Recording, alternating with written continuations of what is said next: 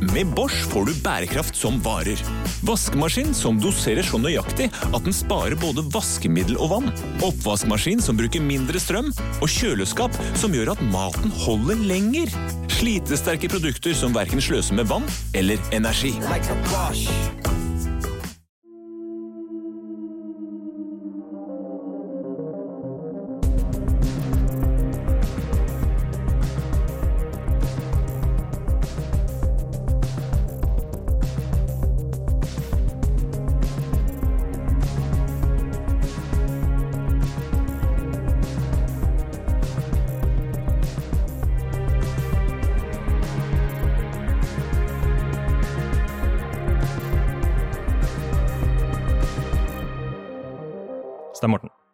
Ja. har du hørt noen ting fra hun i politiet som skulle gi oss en tilbakemelding på om vi får lov til å komme inn og høre avhøret av Kjell Inge Røkke? Nei, ingen uh, verdens ting. Hun, uh, Sist gang jeg snakket med henne var jo på torsdag, og da avtalte vi at uh, jeg skulle ringe på fredag for å få et svar, et formelt svar, og i hvert fall få et svar på om vi kunne få lov å komme inn og høre det avhøret. Ja, nå er det torsdag igjen. Det som jeg syns er litt spesielt, er jo at hun, eh, hun har jo ikke gitt lyd fra seg, og da jeg ringte, så tok hun ikke telefonen. Og eh, dagene går, og vi får jo ikke noe svar, så vi må jo bare prøve å ringe igjen. Ring igjen.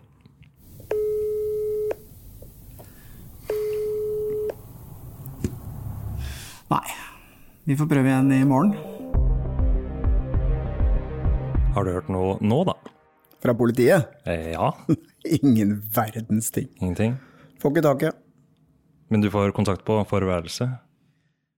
Ja, jeg må prøve å ringe forværelset igjen, da. Og be, be dem gi beskjed til henne om Ja. å ringe meg. Ja, god dag, dette er Stein Morten Lier som ringer. Hei, jeg prøver å få tak i Vi hadde egentlig en avtale om at vi skulle snakkes på fredag, da tok hun ikke telefonen, og så har jeg prøvd uh, siden det og sendt melding, men jeg får jo ikke noe svar fra henne. Øh, nei, men du, vet du da har jeg en annen idé som vi kan gjøre. Ok, Eh, et lite øyeblikk, så skal jeg prøve å få oppretta en mail til henne. Så kan jeg be henne om å ringe deg. ja, det hadde vært helt topp. Strålende, tusen takk.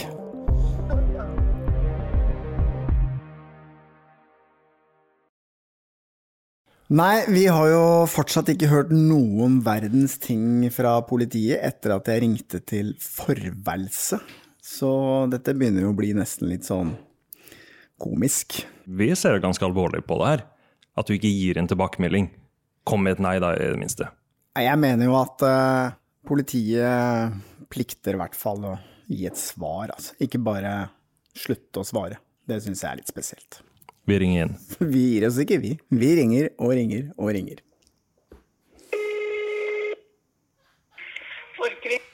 Vi prøver å få tak i men eh, det, det er ikke Har hun ikke ringt deg tilbake og sendt henne en mail? Nei, hun har ikke det, altså.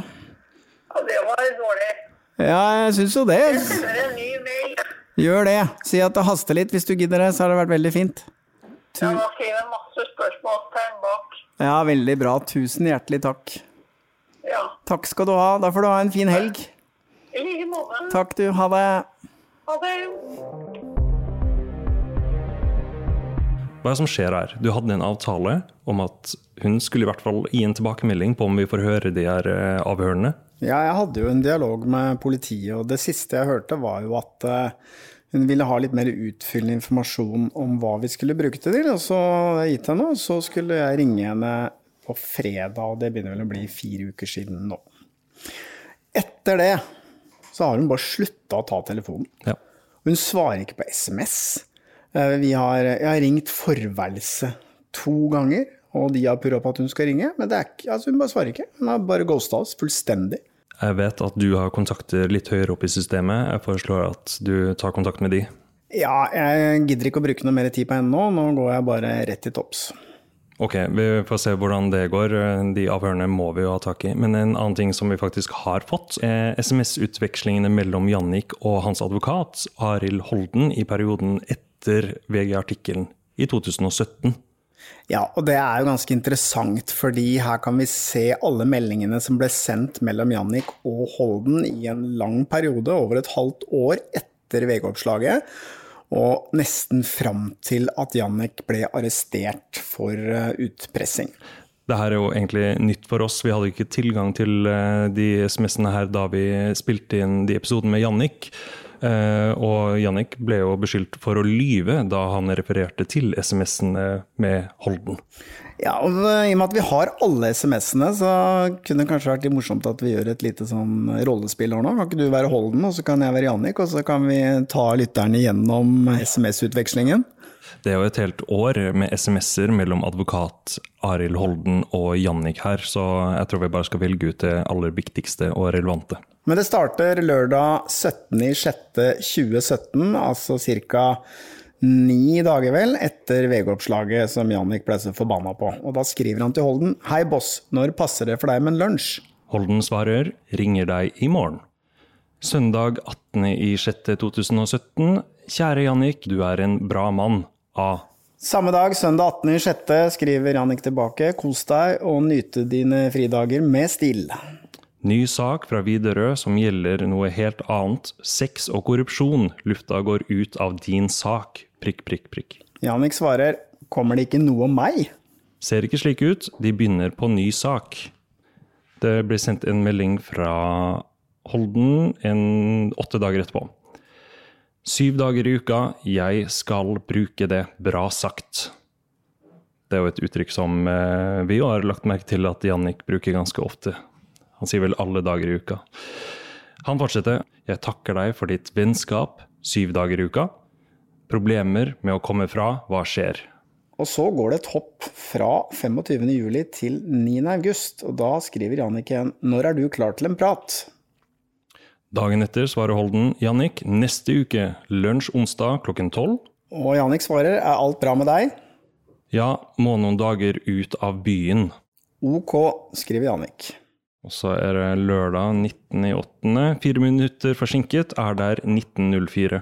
Ja, da svarer Jannik Hei, min venn. Takk for en nydelig kveld. Sammen blir vi dynamitt. Og dette var da åpenbart mye seinere på kvelden, altså kvart på tolv etter at de har hatt dette møtet.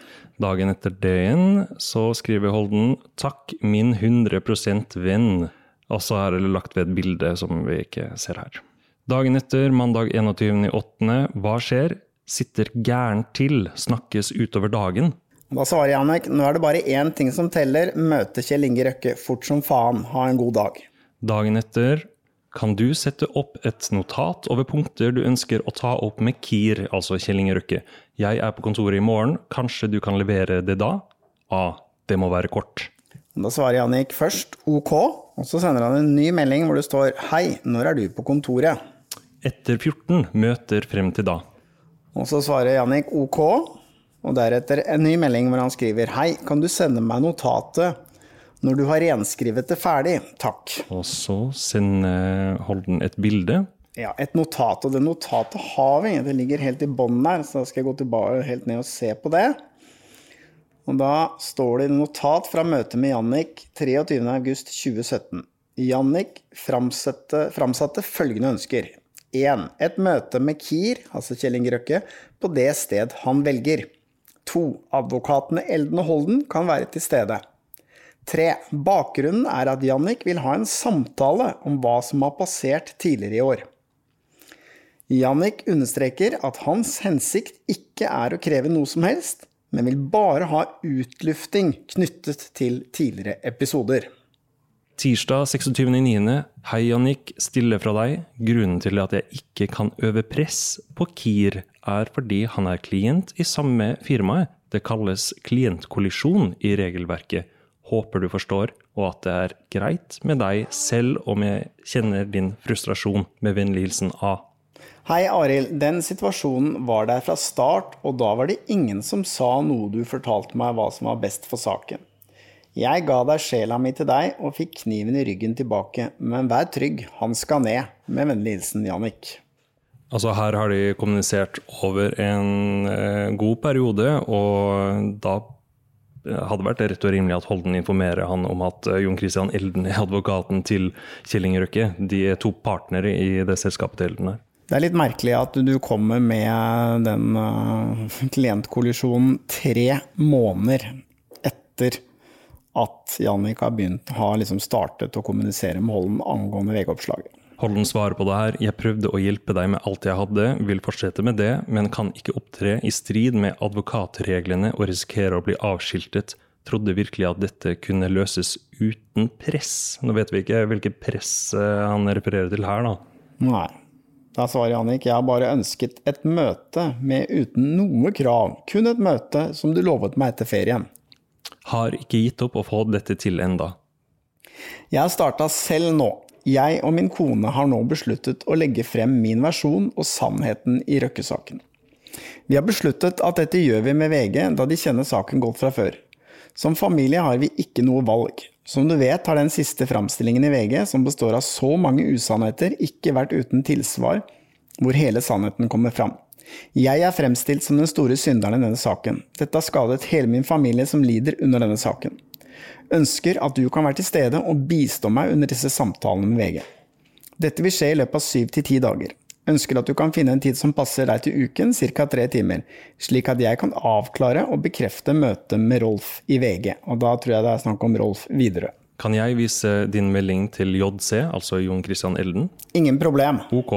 Bare til orientering, advokater i samme firma kan ikke gå mot hverandre. Hvis det er et motsetningsforhold mellom person A og B, kan ikke samme firma bistå begge. Jeg mener ikke å være vanskelig, men orker ikke en klageomgang hos disiplinærnemnda en gang til.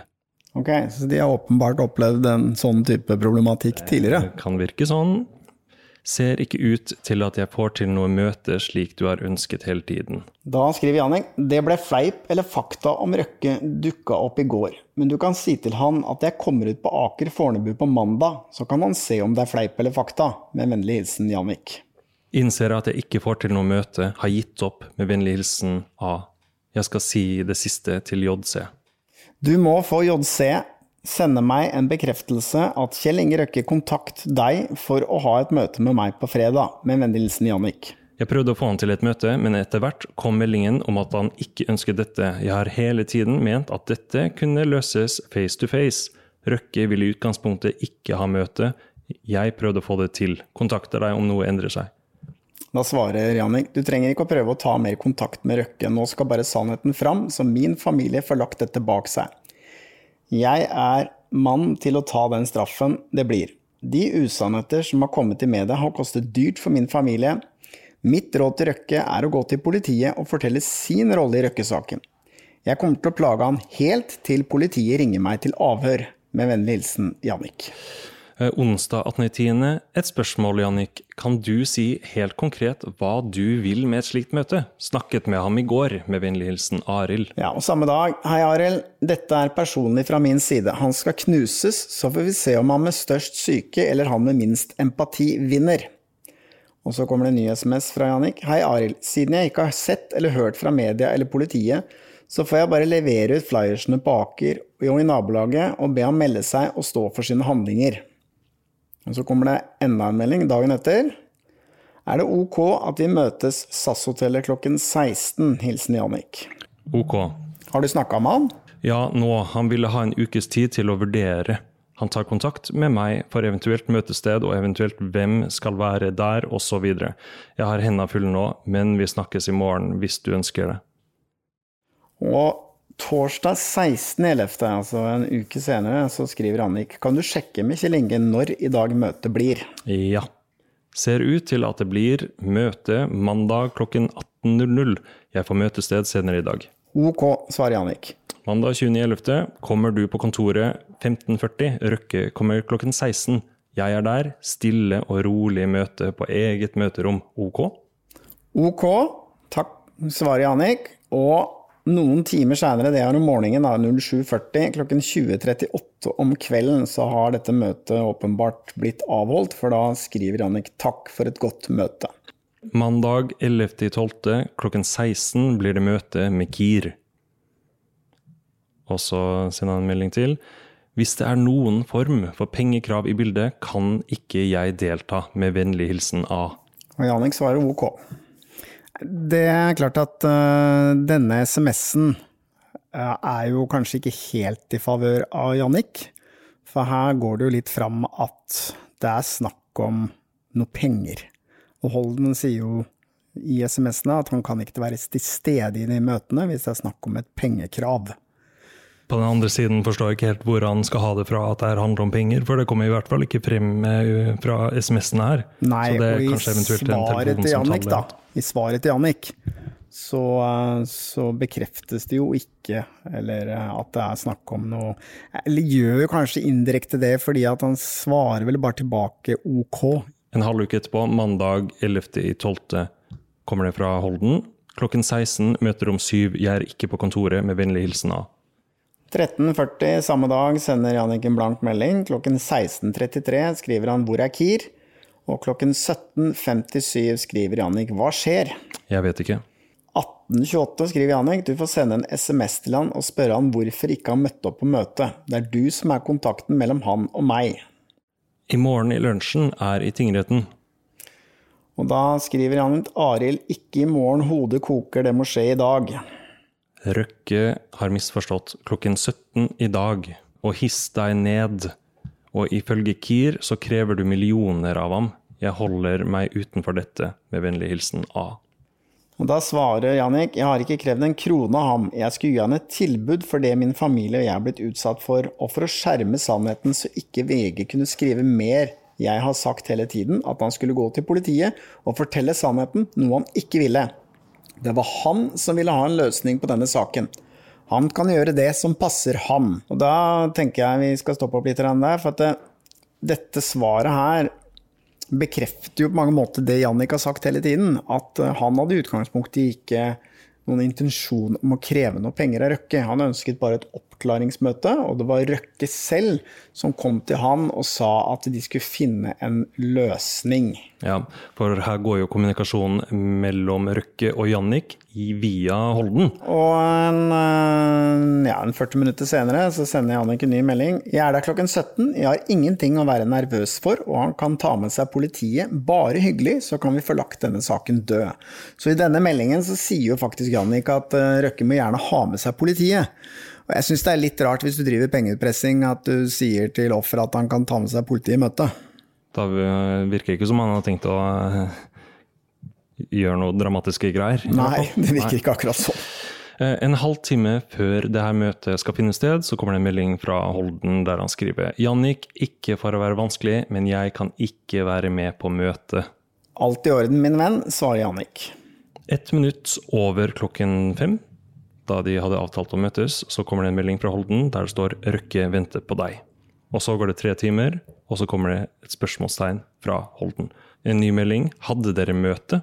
Det vi skjønner ut av det her, er jo at eh, Holden var jo virkelig ikke på det møtet. Han stiller spørsmålstegn tre timer etterpå. Hvordan gikk møtet? Mm. Og da svarer Jannik at vi ser saken fra forskjellige sider. Han har ikke empati for hva jeg og min familie har vært gjennom. Han legger skylden på andre enn seg selv. Men jeg kommer til å ta kontakt med Rolf videre i VG så får politiet ta standpunkt om det er gjort noe straffbart i denne prosessen. Hilsen Jannik. Ja, og så? Da svarer Jannik hei Arild, sendte en SMS til Christian Røkke i dag tidlig at jeg ikke kommer til å snakke med pressen eller politiet om saken, så Kjell Inge ikke skulle uroe seg for det. Jeg er ikke født sånn, men jeg vil ha et fort møte med han for å avslutte med stil. Kan du ordne det? Og så er det dagen etterpå, fra Holden sendt Kier en melding. Og lørdag 16.12.2017 så skriver Jannik til Holden. Arild, etter en lengre møtevirksomhet med Kjell Inge Røkke har jeg kommet til en beslutning at alt skal opp i lyset. Den illojalitet, svik, feighet som han har vist meg, fortjener ikke min lojalitet. Hans selvbilde er for stort. Han må nå kontakte media og politiet og fortelle hele sannheten, om hvor mye han betalte meg for oppdragene han ba meg utføre mot Birger Nilsen og Christer Tromsdalen. I det første møtet du var til stede, sa han selv at han hadde kjøpt båndene av Nilsen etter at jeg hadde truet han og gitt pengene til hans enke. Hvis han ikke går til politiet innen mandag klokken 18, så vil jeg personlig finne han og ta han med til politiet selv, Så kan det norske rettsapparatet, politikere og norske folk dømme selv. Ikke glem å sende denne SMS til KIR. Hilsen Jannik. Og så går det ja, ganske mange dager, faktisk. Elleve dager i romjula. 27.12. Så skriver Jannik Jeg regner med at Kjell Inge har fått den SMS jeg sendte deg for det toget som traff meg og min familie i juni 2017. Skal treffe han og hans familie i 2018. Sannheten skal seire. Ha et godt nyttår. Hilsen Jannik. Og 2.1.2018 så sender Jannik en ny melding til Holden. Arild, kan du bekrefte at du har sendt SMS til Kjell Inge, for jeg venter telefon fra politiet. Hvis ikke han gjør det, så kaster jeg han inn i bilen og kjører han dit selv. Jeg ga det til JC, er i Italia nå. Fredag 5.1.2018. Hei, Arild. I dag var jeg i garasjen på Fornebu i seks timer og venta på at han skulle komme til elbilen sin. Han kan bare sjekke kameraet som er i taket. Jeg så Øystein Eriksen komme ut, han mener sikkert Øyvind Eriksen, rundt klokken 14, så jeg håpet han var rundt hjørnet, men jeg ga meg halv seks og dro hjem, men jeg satte et klistremerke på vinduet på bilen hans. Men fra mandag er jeg klar igjen på ny post, så du burde råde han til å fortelle sannheten til politiet eller media, for når jeg fanger han nå, så kaster jeg han i bilen og kjører dit han skal, på politihuset, og han kan ringe Per også, for nok er nok. Og da tror jeg han sikter til Per Orvland, som uh, nyhetssaken, altså opptakene hans var basert på, da. Mm. Og så sender han en ny melding dagen etter, altså tirsdag 9.1. Siden du ikke har tid til å svare på SMS eller en kaffe, så kan du sende en SMS til Kjell Inge at jeg kommer en tur på Aker-kontorene i dag. Jeg har veldig mye stress nå med et par saker, ber om forståelse for det. Og så kommer det en ny melding. Torsdag 11. i første fra Jannik. Kontakter i dag advokat, for nå skal sannheten frem. Ja. Og det var den siste SMS-en øh, vi har tilgang til, så dette var da altså 11. i første. Og ikke lenge etter det, så ifølge Jannik så møtte jo han Snortheimsmoen, altså som da hadde tatt på seg jobben for å passe på Røkke.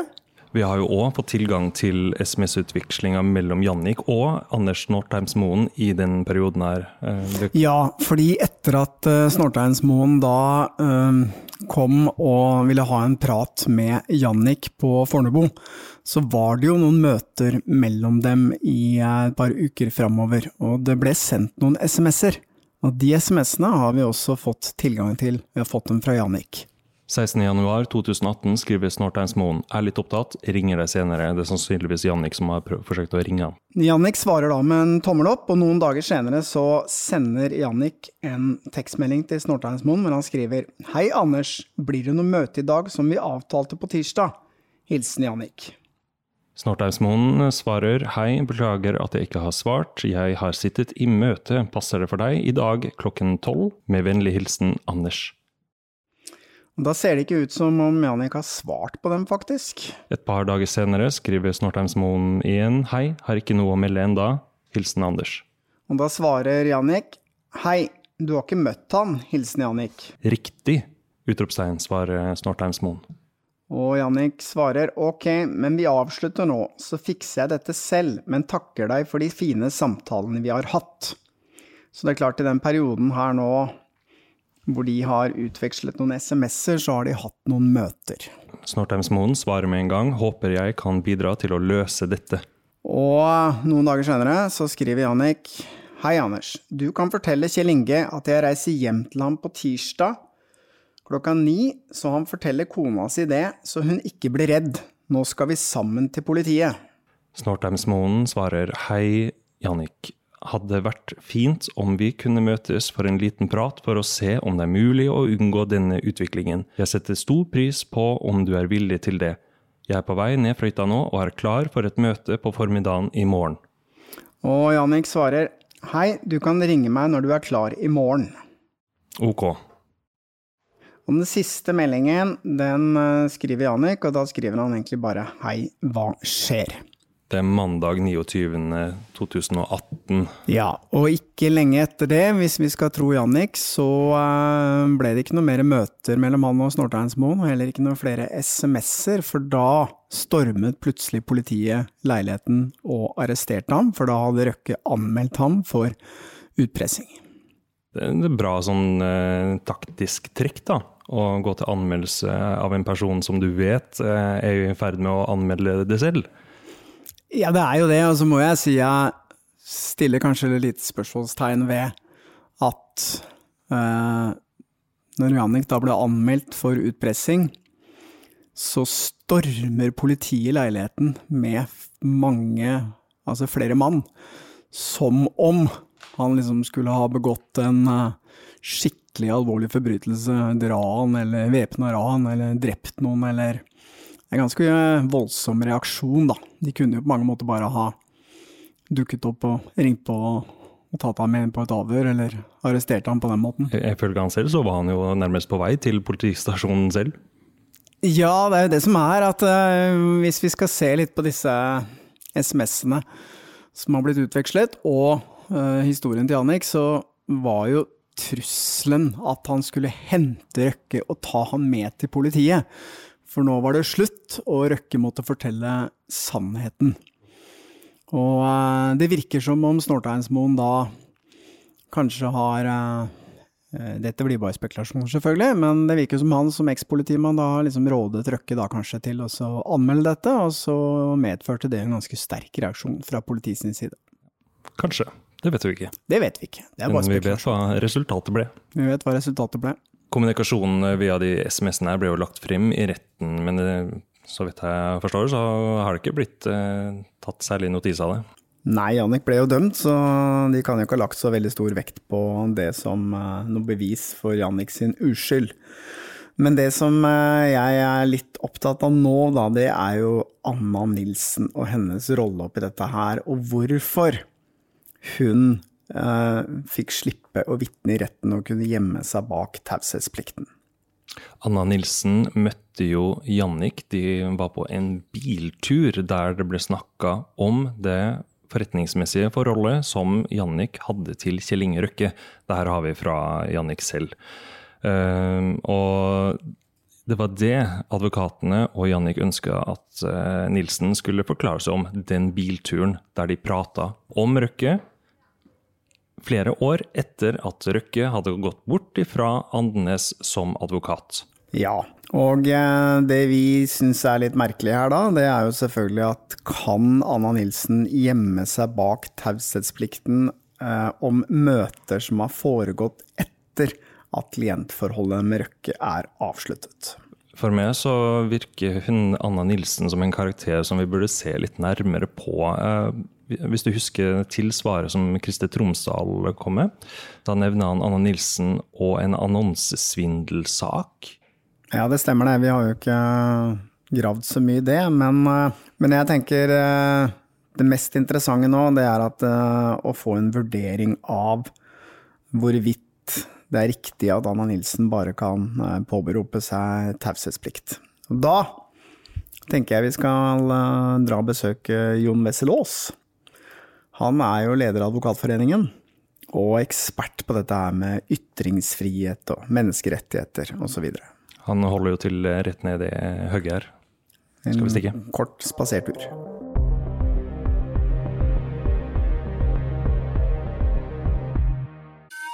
Denne går ut til alle dere foreldre som ønsker at barna deres skal bevege seg mer. Bare husk på dette lille verset. Bort med mobilen, alle mann, så drar vi til Leos lekeland. Lek så mye du vil til 20. juni. Gå ikke glipp av tilbudet Springpass. Vi ses på Leos.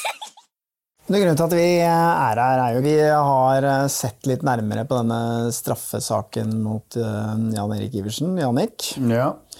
Og, eh, og stussa litt kanskje over eh, domstolens behandling av saken. Og det vi lurer på, mm. er jo dette her med taushetsplikt for vitner. Ja. Um, fordi det var et sentralt vitne i denne rettssaken, uh, Anna Nilsen, som da jobbet for advokat Andenes, som slapp å vitne pga. taushetsplikten. Mm. Til tross for at hun hadde deltatt i en rekke møter hvor både Jannik og, og Andenes og Røkke var til stede. Og det det var også snakk om, var forhold som hadde skjedd etter at Andenes ikke lenger var advokaten til eh, Røkke. Og det vi lurer litt på, er liksom, hva er liksom reglene, og hvordan er det rundt dette med taushetsplikt? For hun har jo vært et sentralt vitne. Ja, for å ta det først, da. Det jo, eh, nå snakker vi om en, en straffebelagt taushetsplikt som bl.a. gjelder for advokater eller de som jobber på et advokatkontor. Eh, som er en taushetsplikt som, eh, som, det er formulert sånn cirka, gjelder det som er betrodd deg i egenskap av å være advokat. Typisk da, i dette tilfellet Røkke, ikke sant. Altså, eh, han skal kunne gå til sin advokat, Andenes i dette tilfellet, og snakke helt åpent med sin advokat og advokaten kan ikke fortelle noe av det videre til noen som helst, eh, med mindre klienten samtykker i det. Og det gjelder da også for alle medarbeidere på det advokatkontoret. Og da i en rettssak eh, hvor utgangspunktet er at alle borgere har vitneplikt. Det er jo utgangspunktet. Du har plikt til å forklare deg hvis du blir kalt inn som vitne, og forklare deg sant. Og kan ikke si at det har jeg ikke lyst til å snakke om. Eh, da kan du bli bøtelagt hvis du sier jeg har ikke lyst til å svare på et spørsmål. Men så er det noe som heter bevisforbud, eller vitneforbud. Som betyr at domstolen faktisk ikke kan pålegge deg å vitne. Og det gjelder bl.a. advokater, da, hvis det er noe som er underlagt taushetsplikten.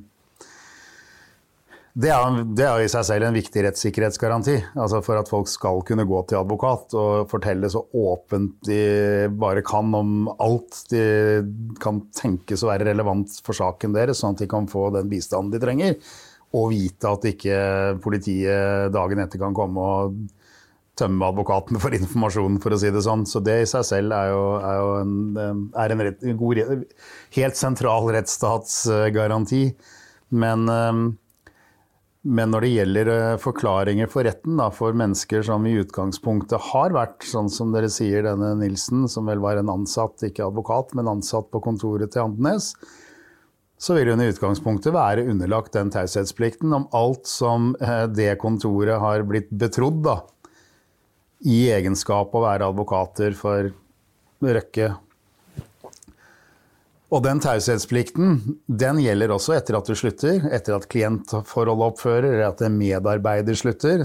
Det er litt vanlig med taushetsplikt generelt, at den opphører ikke bare fordi, fordi den situasjonen eh, du fikk informasjonen i, var underlagt taushetsplikt. Men det som kan være vanskelig, da, og som jeg skjønner eh, da kanskje er aktuelt her, det er at man kan jo da Et klientforhold kan ha oppført, eller noen kan ha sluttet eh, på det kontoret som hadde saken. Og så kan de ha samtaler med den samme klienten etterpå. Hva gjelder da? Og den kan være litt kinkig.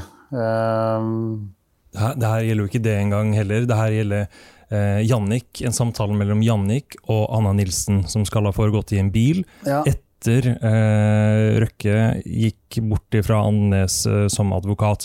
Og det var det forsvarerne til Jannik ville at Anna Nilsen skulle komme og forklare seg om. Samtalen mellom Anna Nilsen og Jannik i den bilen. For der snakker de om det her forretningsmessige forholdet mellom Jannik og Røkke.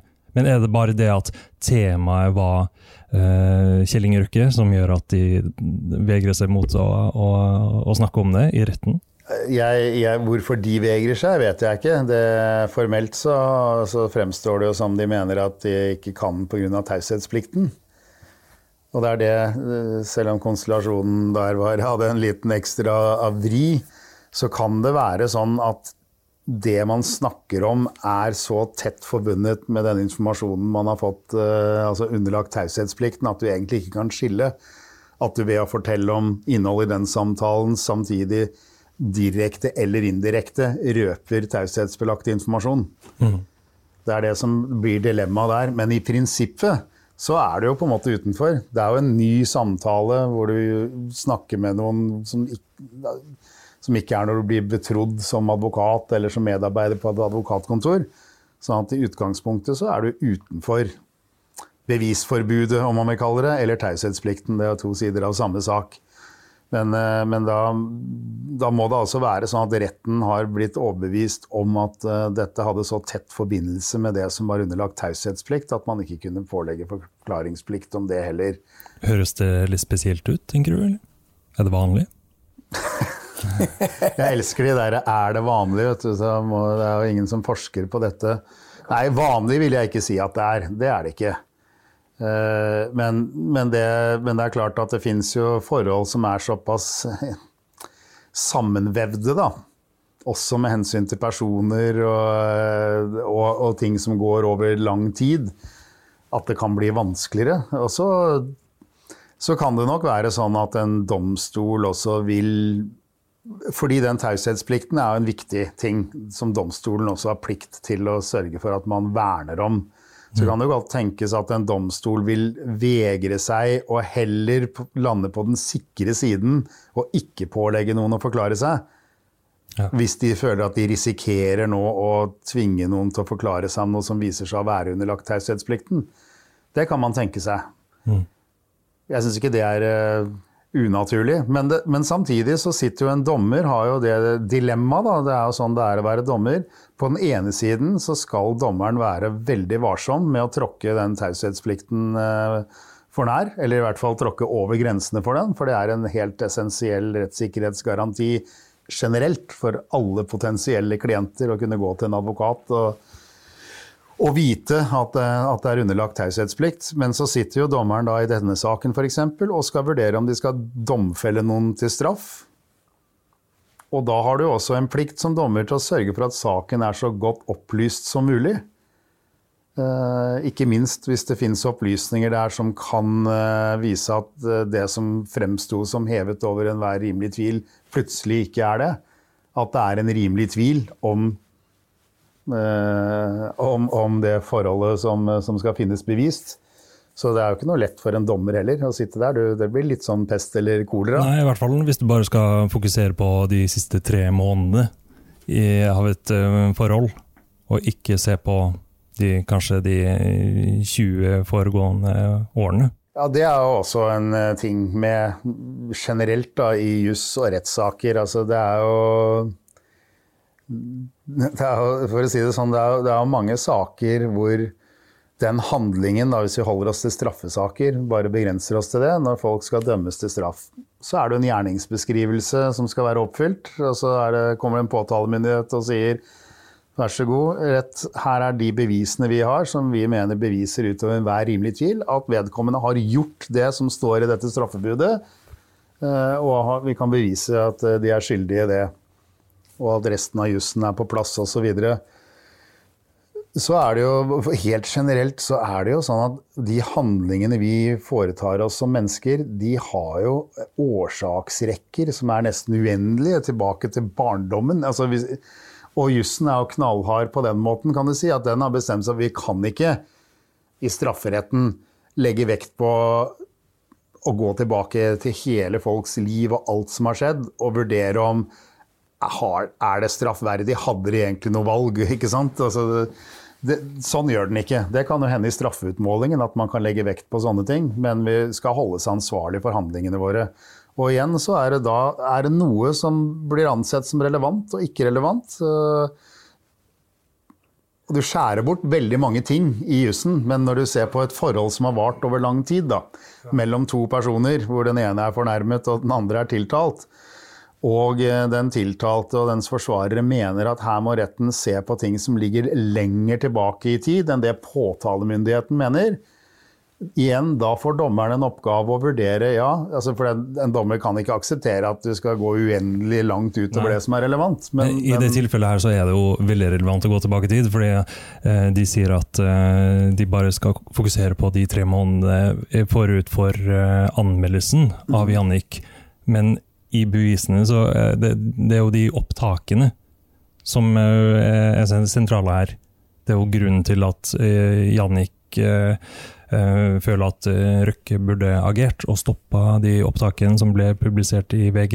Men det som også retten sa, at de var jo ikke interessert i å høre på de opptakene i det hele tatt.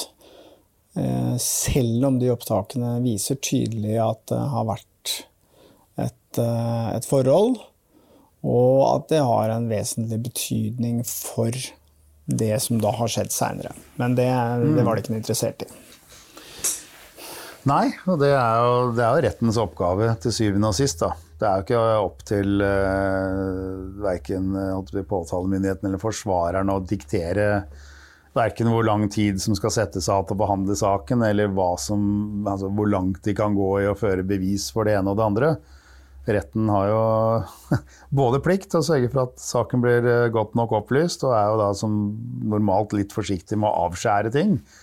Men på et eller annet tidspunkt så kan retten også bli tvunget til å si nei, vet du hva, dette her er Jeg kan ikke se at det har noen betydning for det denne retten skal ta stilling til i saken, så det trenger vi ikke bruke tid på.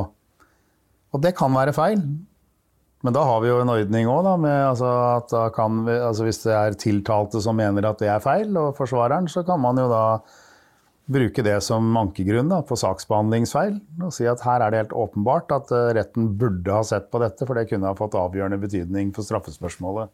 Mm. Nå heter det jo lagmannsrettens uh, uh, hva skal jeg si for noe avvisning, da. Ja.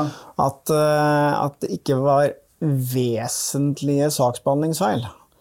Hva betyr altså, Jeg trodde at hvis det var saksbehandlingsfeil i det hele tatt, så er vel det et ankegrunnlag, er det ikke det? da? Men det var liksom ikke jo, det kan, kan man jo, det, altså, gradere det? Kan, kan alltid anke, men, men, for at en saksbehandlingsfeil skal ha noen um, skal få noen betydning da, anke, i ankeavgjørelsen, så, så og som som regel vil føre til opphevelse av underinstansens dom, det må være hvis den feilen eh, kan ha hatt betydning for et sentralt punkt i avgjørelsen. Altså F.eks. at eh, hadde man gjort det, så hadde kanskje saken fått et helt annet utfall. Det fins jo, jo, små og større saksbehandlingsfeil. Det kan være en saksbehandlingsfeil som formelt sett, ja, det var feil, men det hadde ikke spilt noen rolle for avgjørelsen om det ble gjort riktig. Ok, Så man kan fint leve med at det blir gjort noen saksbehandlingsfeil i en, uh, i en rettsprosess? om de vesentlige, det får vi heller ikke vite. Men om det er vesentlig, hva legger man i det? Liksom? Men jeg, du, du ja, jeg vet ikke om de ja, det, det, er jo litt uh, sånn rart begrep å bruke, kanskje. fordi de jo, Det avgjørende er om de saksbehandlingsfeilene som eventuelt uh, ankedomstolen er enig i, ble begått, om de, hatt, uh, om de kan ha hatt betydning for avgjørelsen. Mm. Da er det jo vesentlig, hvis den har det. Det har ikke så mye med hvor stor feil altså Feilen i seg selv kan jo være Det er jo, det er jo om den har hatt en relevant betydning, altså som gjør at uh, som rett og slett gjør at det kan ha hatt avgjørende betydning for utfallet. Og da selvfølgelig i dette tilfellet særlig altså i, i disfavør av en tiltalt. Mm. Mm. Kjenner du den uh, konkrete saken her Fulgte du saken? Nei, ikke jeg, jeg, vet ikke hvordan andre folk fulgte den, men jeg fulgte den jo bare gjennom media. Ja. Og den, uh, han fikk ikke en ny sjanse, det var én behandling? Ja, og det har jo blitt strammet til i det siste også, det med ankesiling, som det heter, i, i straffesaker.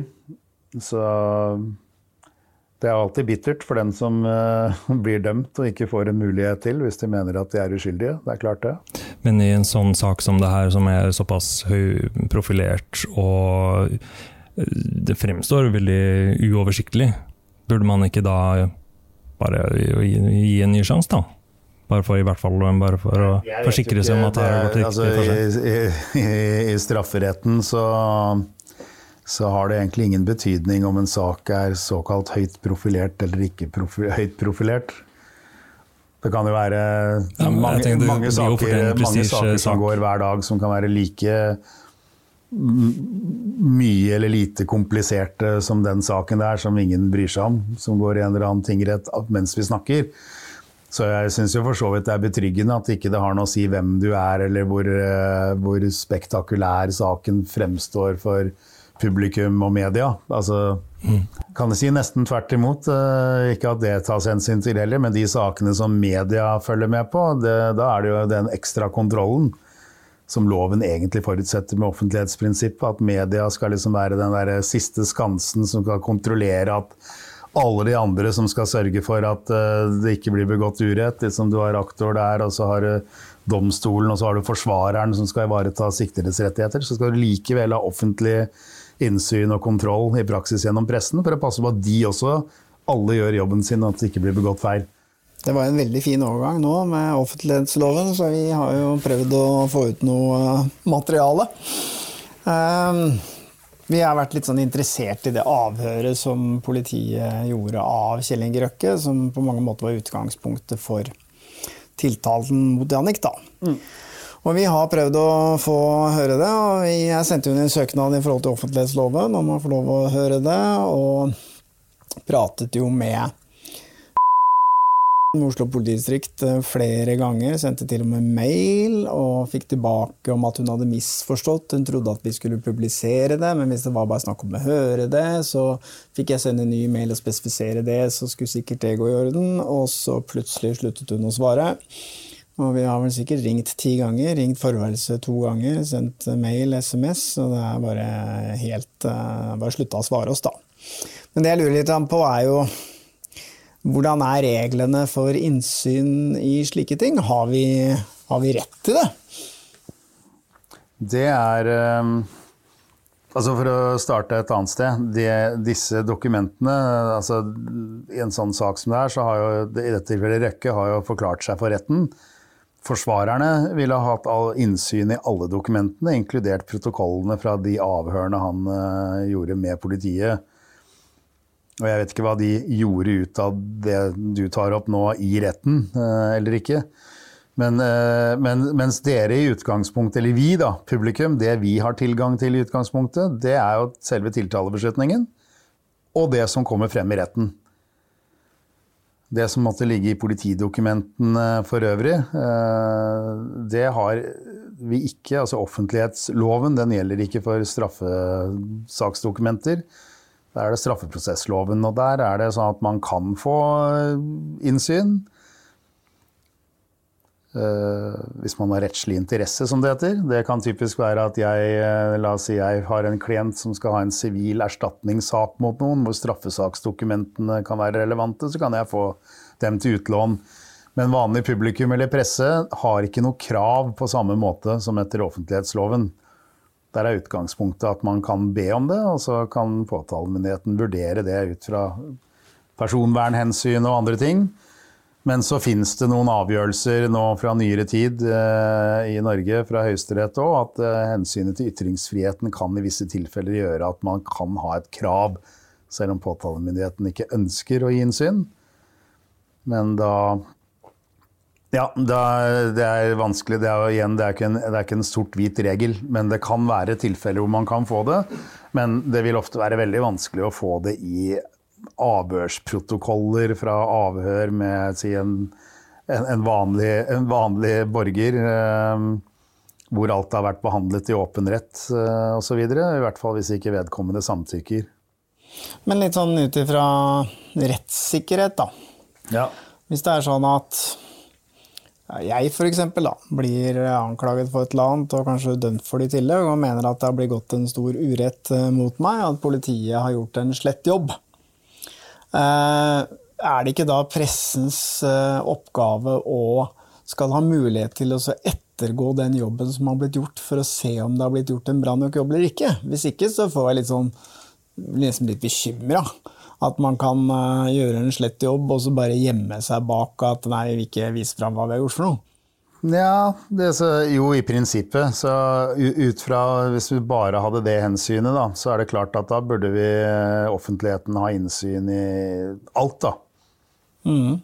Ikke sant? Men uh, der er jo igjen utgangspunktet at man har jo en forsvarer. Uh, parten selv gjennom forsvareren får jo innsyn i alt dette her før saken kommer opp for retten.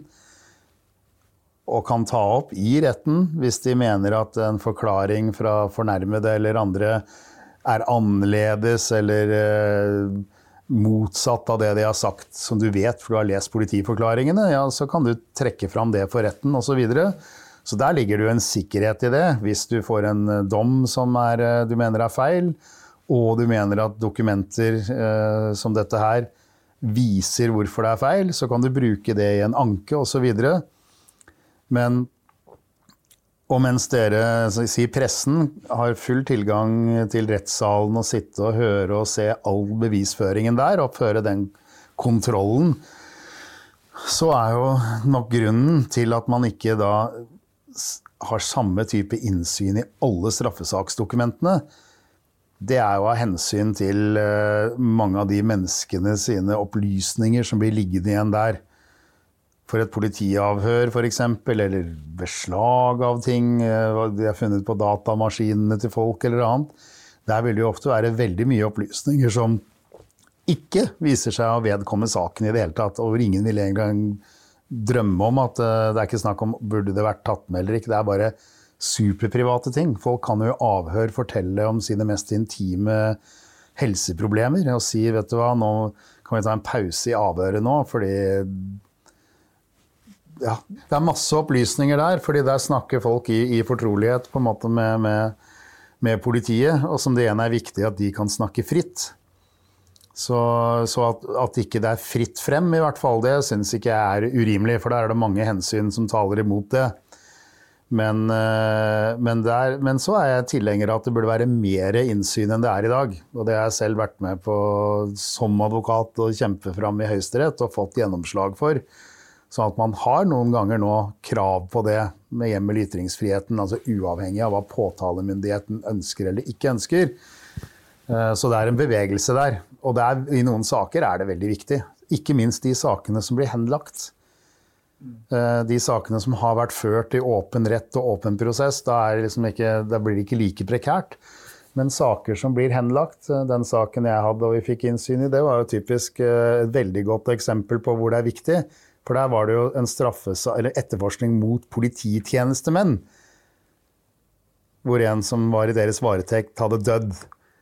Og hvor det er spesialenheten som etterforsker de sakene. Og når de ikke kommer for retten, sånn som i dette tilfellet, men saken ble henlagt Altså det er makta som har hatt noen i sin varetekt, som døde der av et etter spesialenhetens oppfatning ikke uforsvarlig håndtering fra politiet, for det ble jo henlagt. Men i hvert fall eh, da er det eh, makta som er etterforska av makta igjen, den spesialenheten for etterforskning, kommer aldri for retten.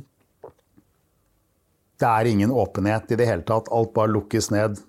Der var det snakk om å få innsyn i noe etterforskningsmateriale for å forstå hvordan spesialenheten kunne lande på det resultatet. Eh, Og det fikk man altså medhold i der. Så det er jo Der ser du nyansene, da. Det er ikke, ikke sort-hvitt, men utgangspunktet er at det er ikke fritt frem å få innsyn, f.eks. sånn som dere ber om, men man må altså argumentere for hvorfor det er eh, nødvendig, eh, eller hvorfor det har eh, stor allmenn interesse nå, og at det ikke går utover noe personvernhensyn på den andre siden. Og man kan be om at skulle det være noe sånt, så kan det sladdes da før man får tak i det hvis det er noe man ikke burde få innsyn i, og som ikke vedkommer saken. Men rent sånn hypotetisk.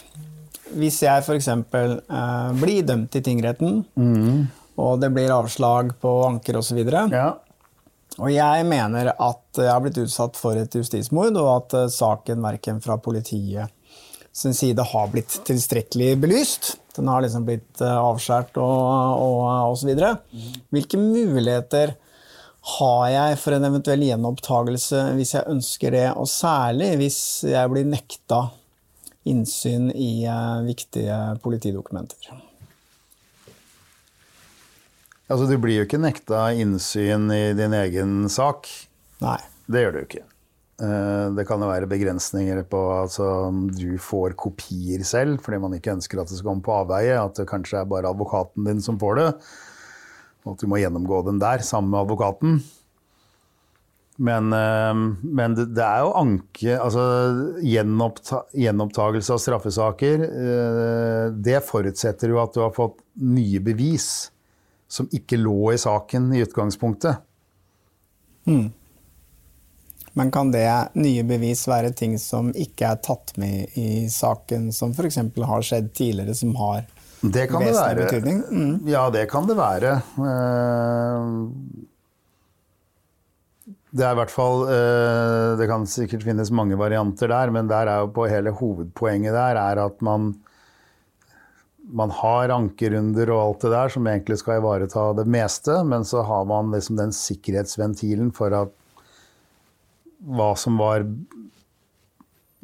bevisbildet da straffesaken gikk, det kan endre seg, fordi det dukker opp helt nye eh, bevis. Eller altså nye kjensgjerninger, ikke sant. Man har jo også hatt eh, saker med altså Bare for et eksempel på noen sånne gjenopptakelsessaker som var litt mer eh, sånn systematiske. Det var tidlig på 90-tallet. Så var det mange som ble dømt for uh, Kall det incest, da. Altså, det trengte vel ikke være det, men ofte altså, fedre som ble dømt for å ha seksuelt uh, misbrukt sine egne barn. Og hvor, de, hvor liksom det i hvert fall avgjørende beviset var den måten man forsto DNA-prøver på den gangen. Altså funn. Uh, og så har det vist seg senere i medisinsk forskning at det ikke lenger ble ansett som en forsvarlig medisinsk konklusjon. Uh, da kan du si det er jo ikke det er, ikke, det er ikke et nytt vitne eller et nytt dokument som kommer fram, men det kommer fram forskning som viser at det er ikke forsvarlig, sånn som man gjorde tidlig på 90-tallet, å legge til grunn at dette beviser noe som helst. Og Da kan man også få, da er det for så vidt et nytt bevis. da, Sakkyndige som sier at den vurderingen der, den holder ikke lenger. Og Så får man gjenopptatt sakene sine og blir frifunnet. Av og til legger jo påtalemyndigheten selv ned frifinnelsespåstand når de innser eh, selv at dette er etter dagens bevisbilde så kan ikke vi føre bevis for det. Så det, en, det skal mye til. Altså, gjenopptakelse er jo ikke, det er jo ikke en, det er ikke en ny ankerunde. Det er ikke bare at nå slapp ikke anken min inn, og nå er, har jeg ikke noen annen vei å gå, så da går jeg til gjenopptakelseskommisjonen. De kan ikke gjenoppta en sak fordi de er uenig i dommen fra tingretten i seg selv. De må ha bevis som da taler sant, med tyngde for at uh, avgjørelsen ville blitt en annen. Så det er dessverre sånn at for de aller fleste, når de har fått sin endelige rettskraftige dom i en straffesak, så er det stort sett uh, kjørt. Stort sett. vi har jo for så vidt fått en begrunnelse på hvorfor vi ikke får utlevert de her båndene, og det er fordi at som de sa, at eh, de vil ikke at det skal brukes som underholdning i en podkast. Da kan man begynne å diskutere Dagsrevyen. Jeg ser jo på det som både informasjon er, og underholdning. Ja, det er sånne begrunnelser som jeg virkelig ikke liker. Som du også ser fra forvaltningen, som er underlagt offentlighetsloven, og hvor utgangspunktet er at man har krav på innsyn, med mindre noen av unntaksbestemmelsene kommer.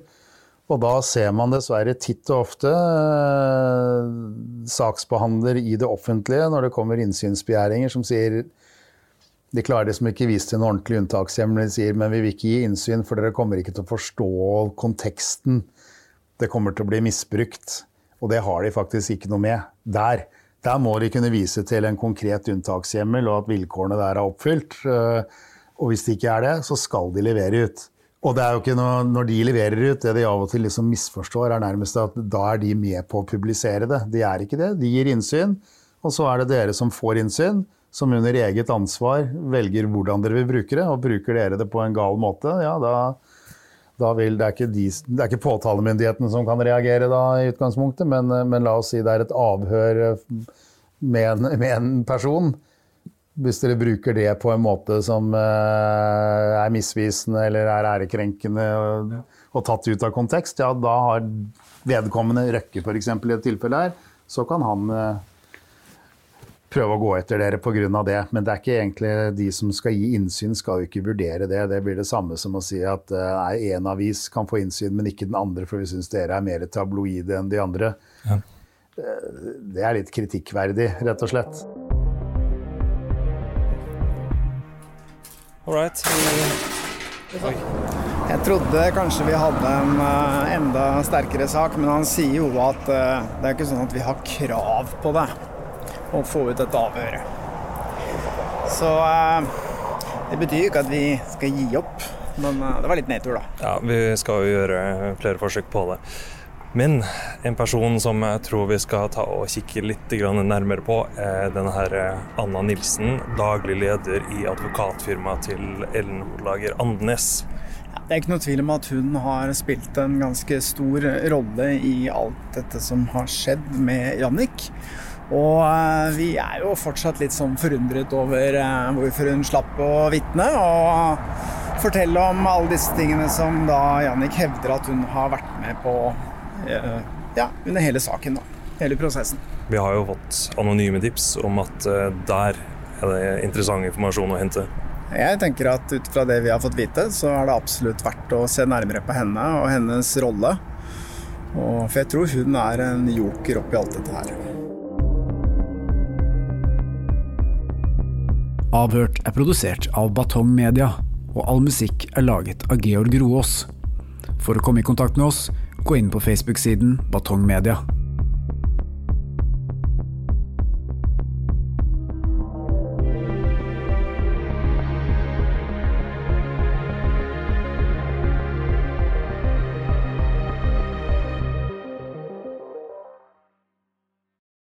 Velkommen til Kjemperådet! Vi har fått inn et kjempekleint problem fra Trine Lure 22. Okay. Jeg leser De to andre i kollektivet mitt har begynt å date, og jeg syns det er veldig kleint når vi skal se på TV sammen, og de bare skal kline. Ok, ja, Hvordan skal hun løse dette? Siden Trine Lure er under 30, får hun jo ubegrenset data fra Telenor fra 399 kroner. Da Da kan hun sette seg på sitt eget rom, streame så mye hun vil på mobilen. Ja, Hun kan jo se på nye mobilabonnement på telenor.no. Ja, det er lurt.